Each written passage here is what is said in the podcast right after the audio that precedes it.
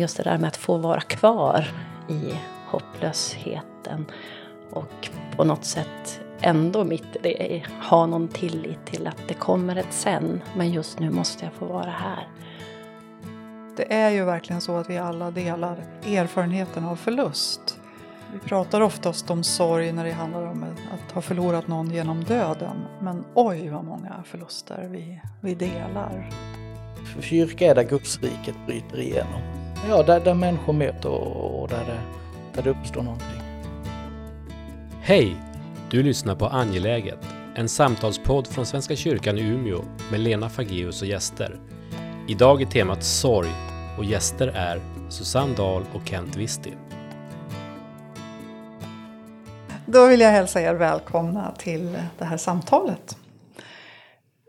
Du som lyssnar. Och med mig i rummet så finns Kent Wisti och Susanne Dahl. Och ska, vi ska alldeles snart säga mer om er. Men innan vi börjar så vill jag göra som jag alltid brukar göra i de här poddsamtalen. Att tända vårt ljus. Ljuset som jag tänder för att ja, men, på något sätt påminna oss om att ja, men det finns en till i det här rummet. Men också någon slags känsla av närvaro och ja, ja, närvaro. Det räcker så.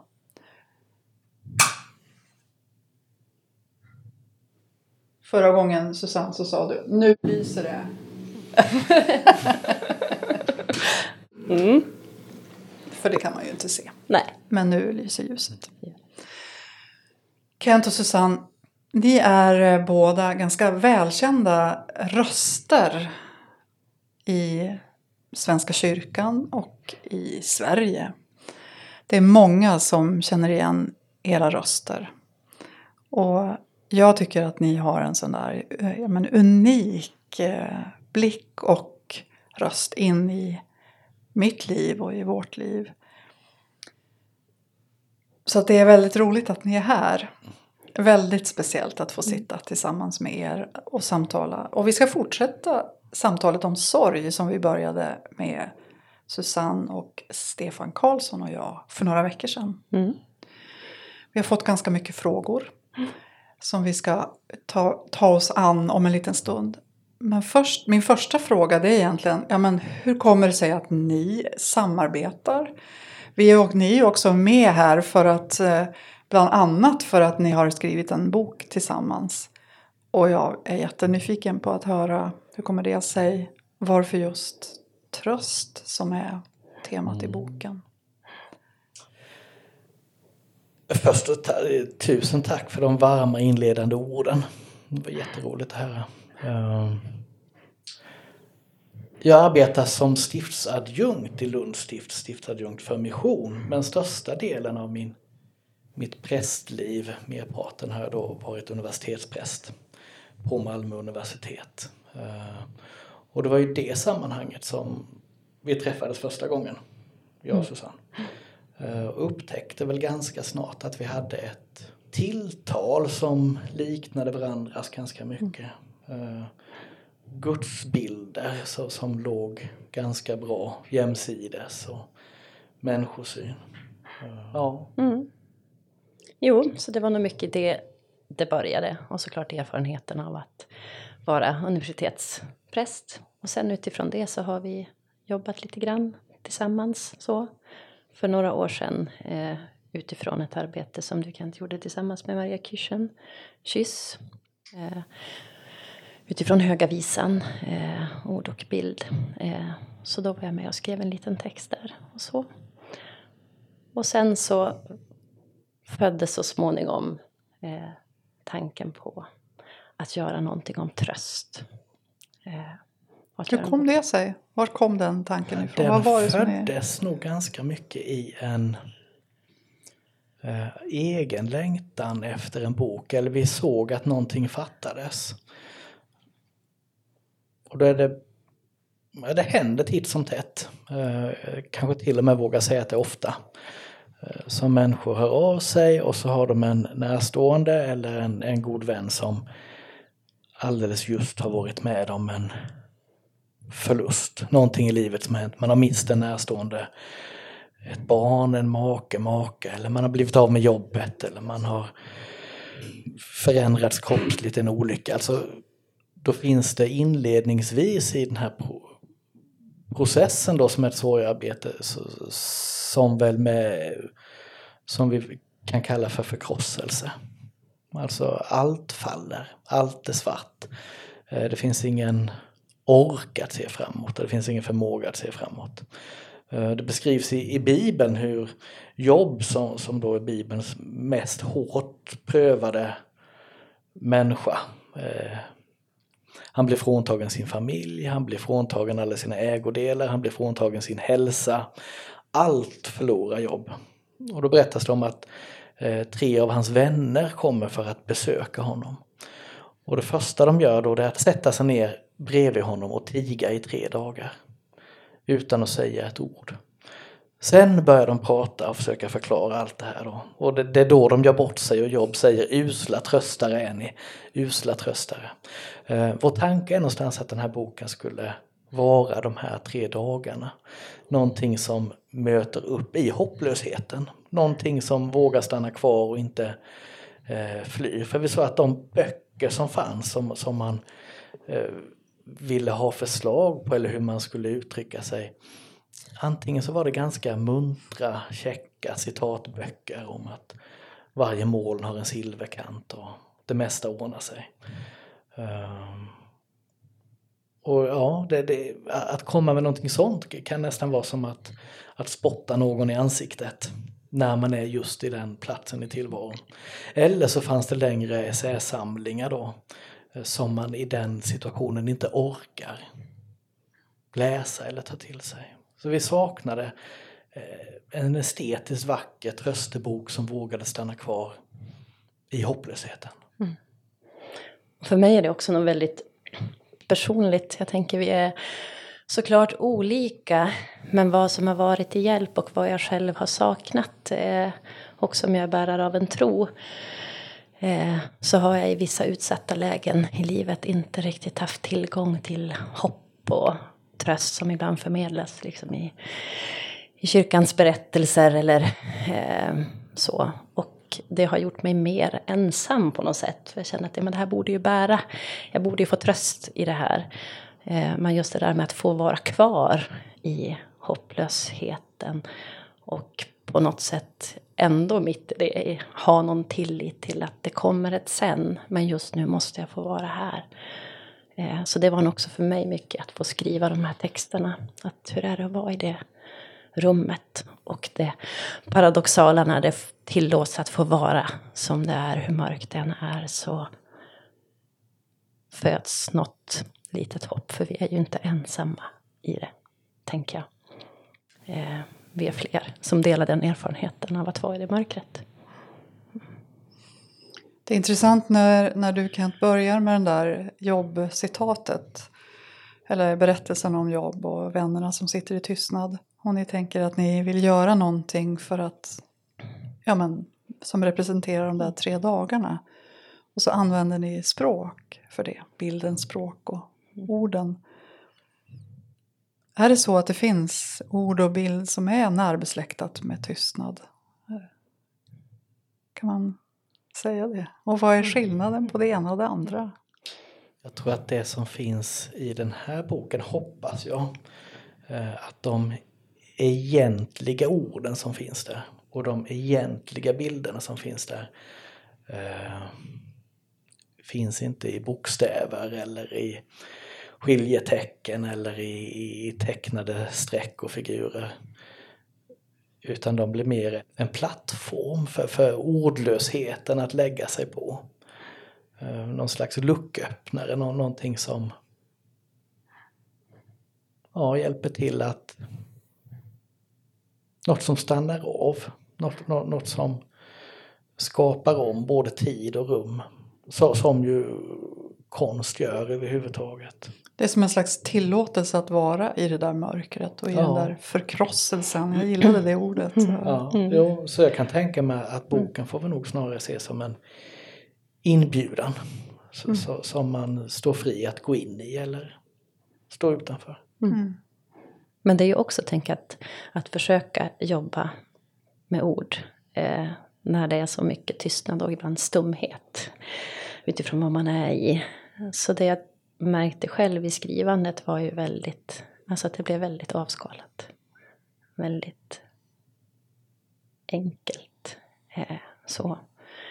Eh, och att liksom det här att börja måla ut saker eller att ha mycket metaforer eller att det föll på något sätt. Och jag tänker det är också det som, ja men vad är det som håller i mörkerrummet? Vad är det? Eh, så det var nog det också som med, medan jag skrev slog mig när jag tittade på vad blev det för typ av texter. Och boken är ju väldigt anspråkslös i, Mm. i, i både format och formspråk. Mm. På många sätt så liknar det mycket en pekbok. Mm. Jag vet vi, vi har sagt någon gång själva att det är en, det är en pekbok för rambrutna. Eh, Så tystnaden har en jättestor plats i boken. Pekbok. Jag blev lite eh, nyfiken och ville gå tillbaka till inledningen där, ni, där du pratade Kent om att ni hittade någon slags eh, samhörighet i människosyn och gudsbild och teologi och språk och så. Jag skulle vilja höra något mer om det. Vad, går det att formulera något om vad var, vad var det ni kände igen i varandra som ni ja, men, tilltalas av hos varandra?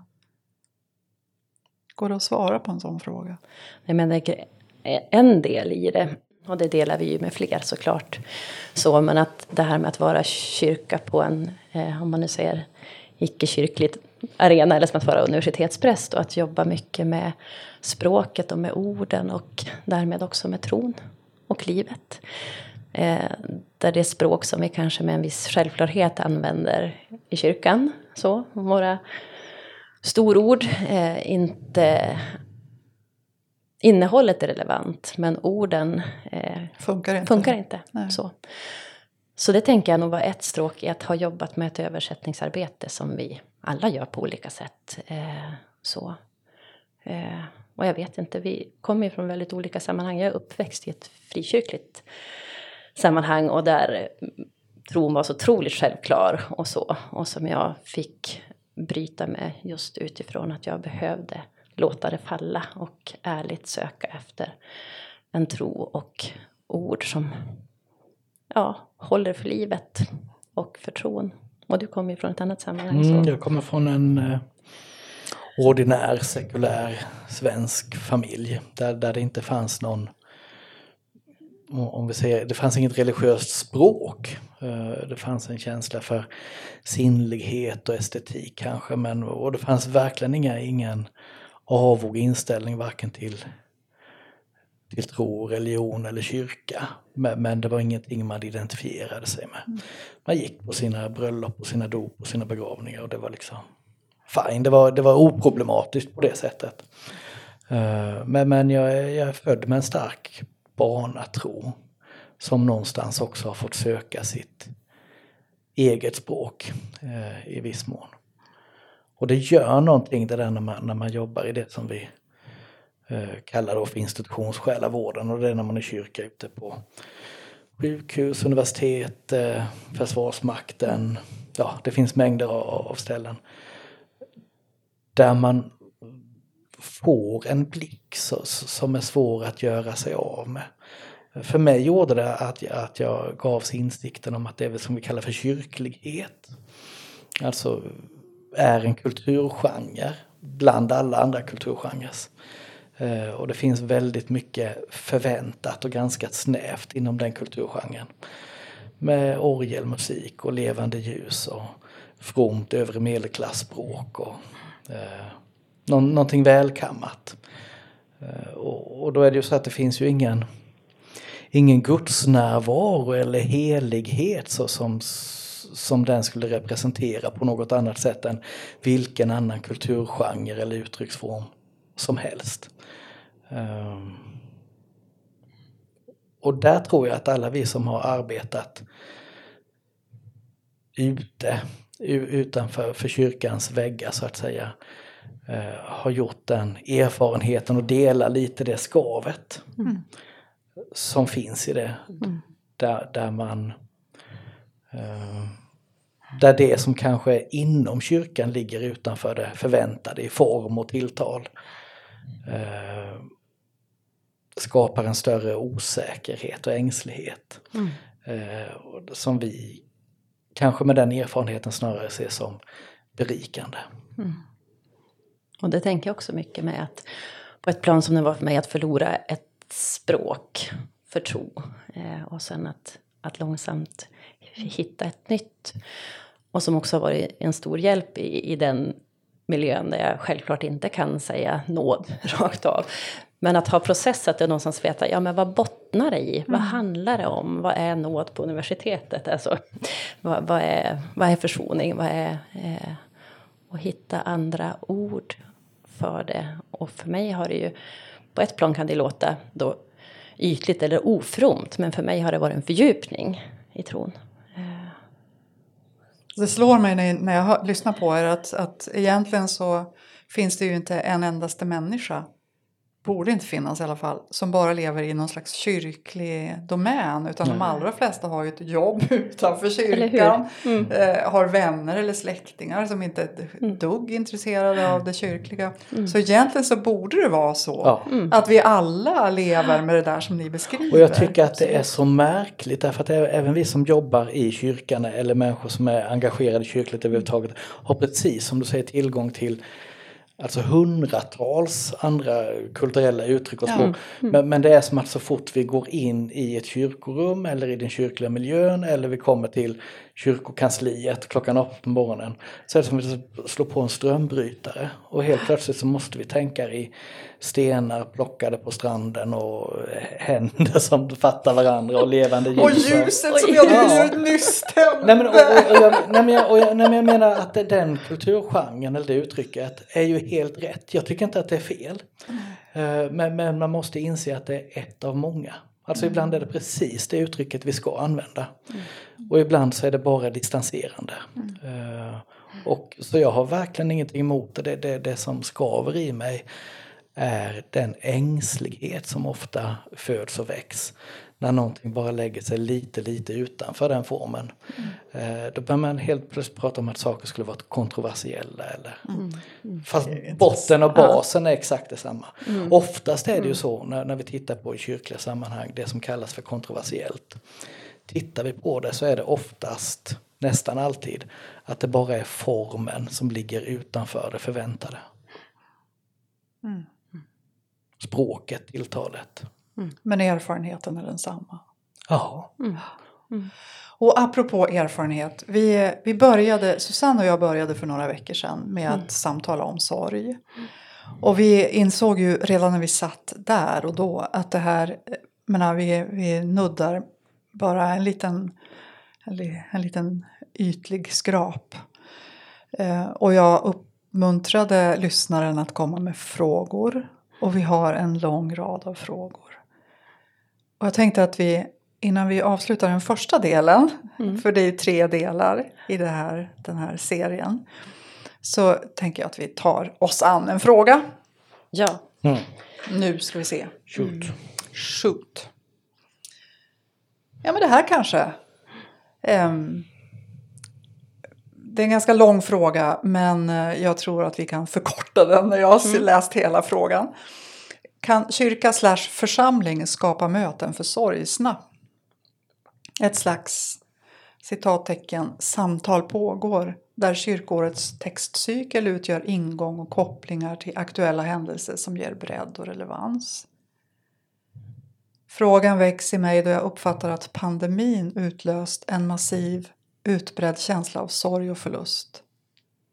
Tror att vi behöver en väl utvecklad social beredskap som medför att människor kan bära och bearbeta ensamheten som sorg och förlust utlöser på individnivå.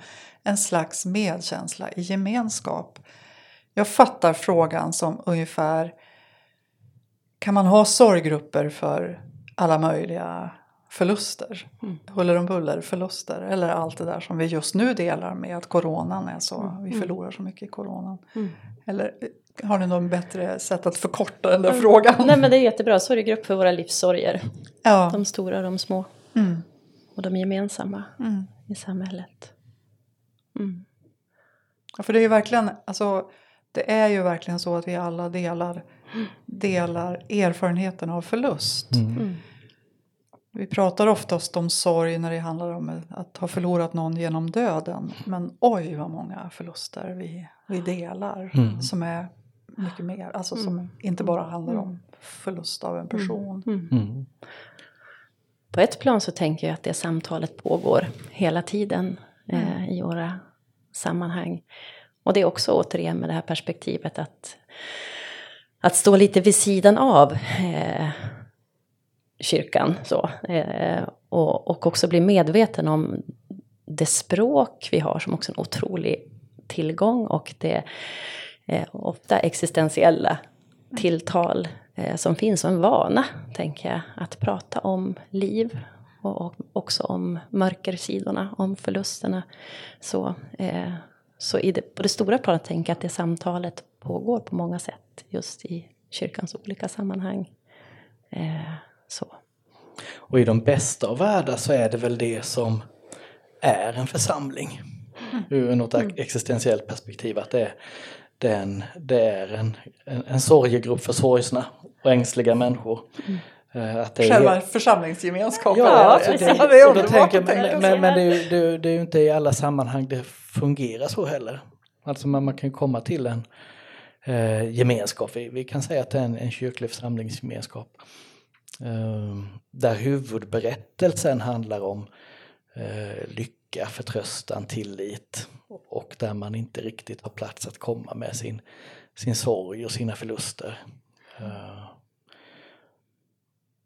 och risken som jag ser, jag tycker sorggrupp är jättebra, det var liksom en av de mest angelägna saker jag har arbetat med. Ehm, men risken, man ska alltid tänka på risken med det, det är också att vi på något sätt institutionaliserar eller professionaliserar eh, naturliga livssammanhang. Och, och vi tänker oss att här är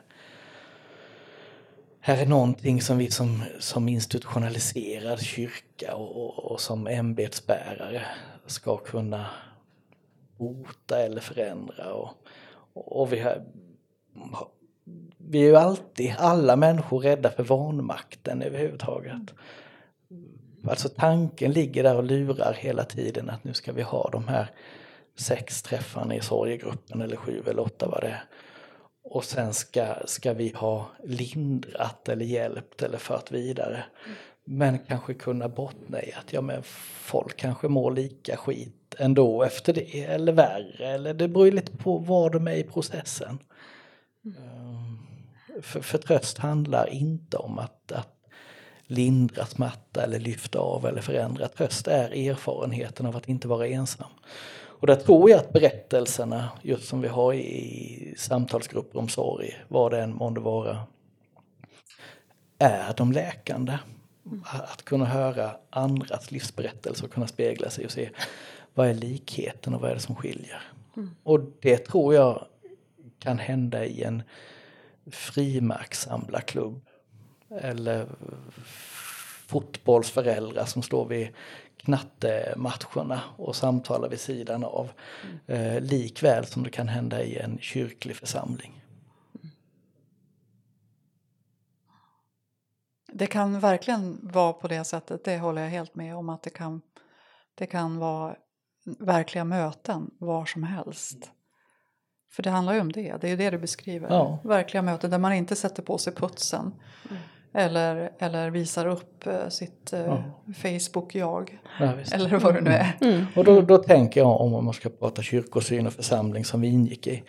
Eh, att i de här stunderna, även om det är liksom frimärkssamlarklubben eller vid, eh, vid plan, utanför planen där på Knattekuppen så är det där kyrka är. Alltså oavsett om Svenska kyrkans logotyp står i, i, i, i sidfoten på affischen eller inte. För kyrka är där Gudsriket bryter igenom. Mm. Eh, Där människor möts. Ja, där, där människor möter och, och där, det, där det uppstår någonting. Nu behöver vi avrunda den här första delen Susanne, är det så att du har en text som du kan tänka dig att läsa som avsnitt? Jag tror jag har en text. Jag ska bläddra lite bara. Då läser jag öppning. Hur våra liv nuddar vi varandra. På en parkeringsplats vid stormarknaden. Så lite vi vet. Ändå vet vi allt. Den plats du befinner dig på är inte främmande för mig. Den sorg jag bär är också sorgen i dig. Den dagliga kampen och hur vi försöker. Ett ensamt och gemensamt arbete.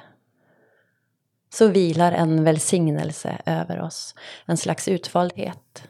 När vi vaknar en söndagsmorgon, ligger kvar i aningen av den nya dagens ljus. Att vi för en stund är lätta och svävande, inte helt jordade efter nattens drömmar. Våra ansiktsdrag ännu inte ordnade, bara helt öppna, sårbara, mottagliga. Tack Susanne. Tack för nu. Tack. Tack.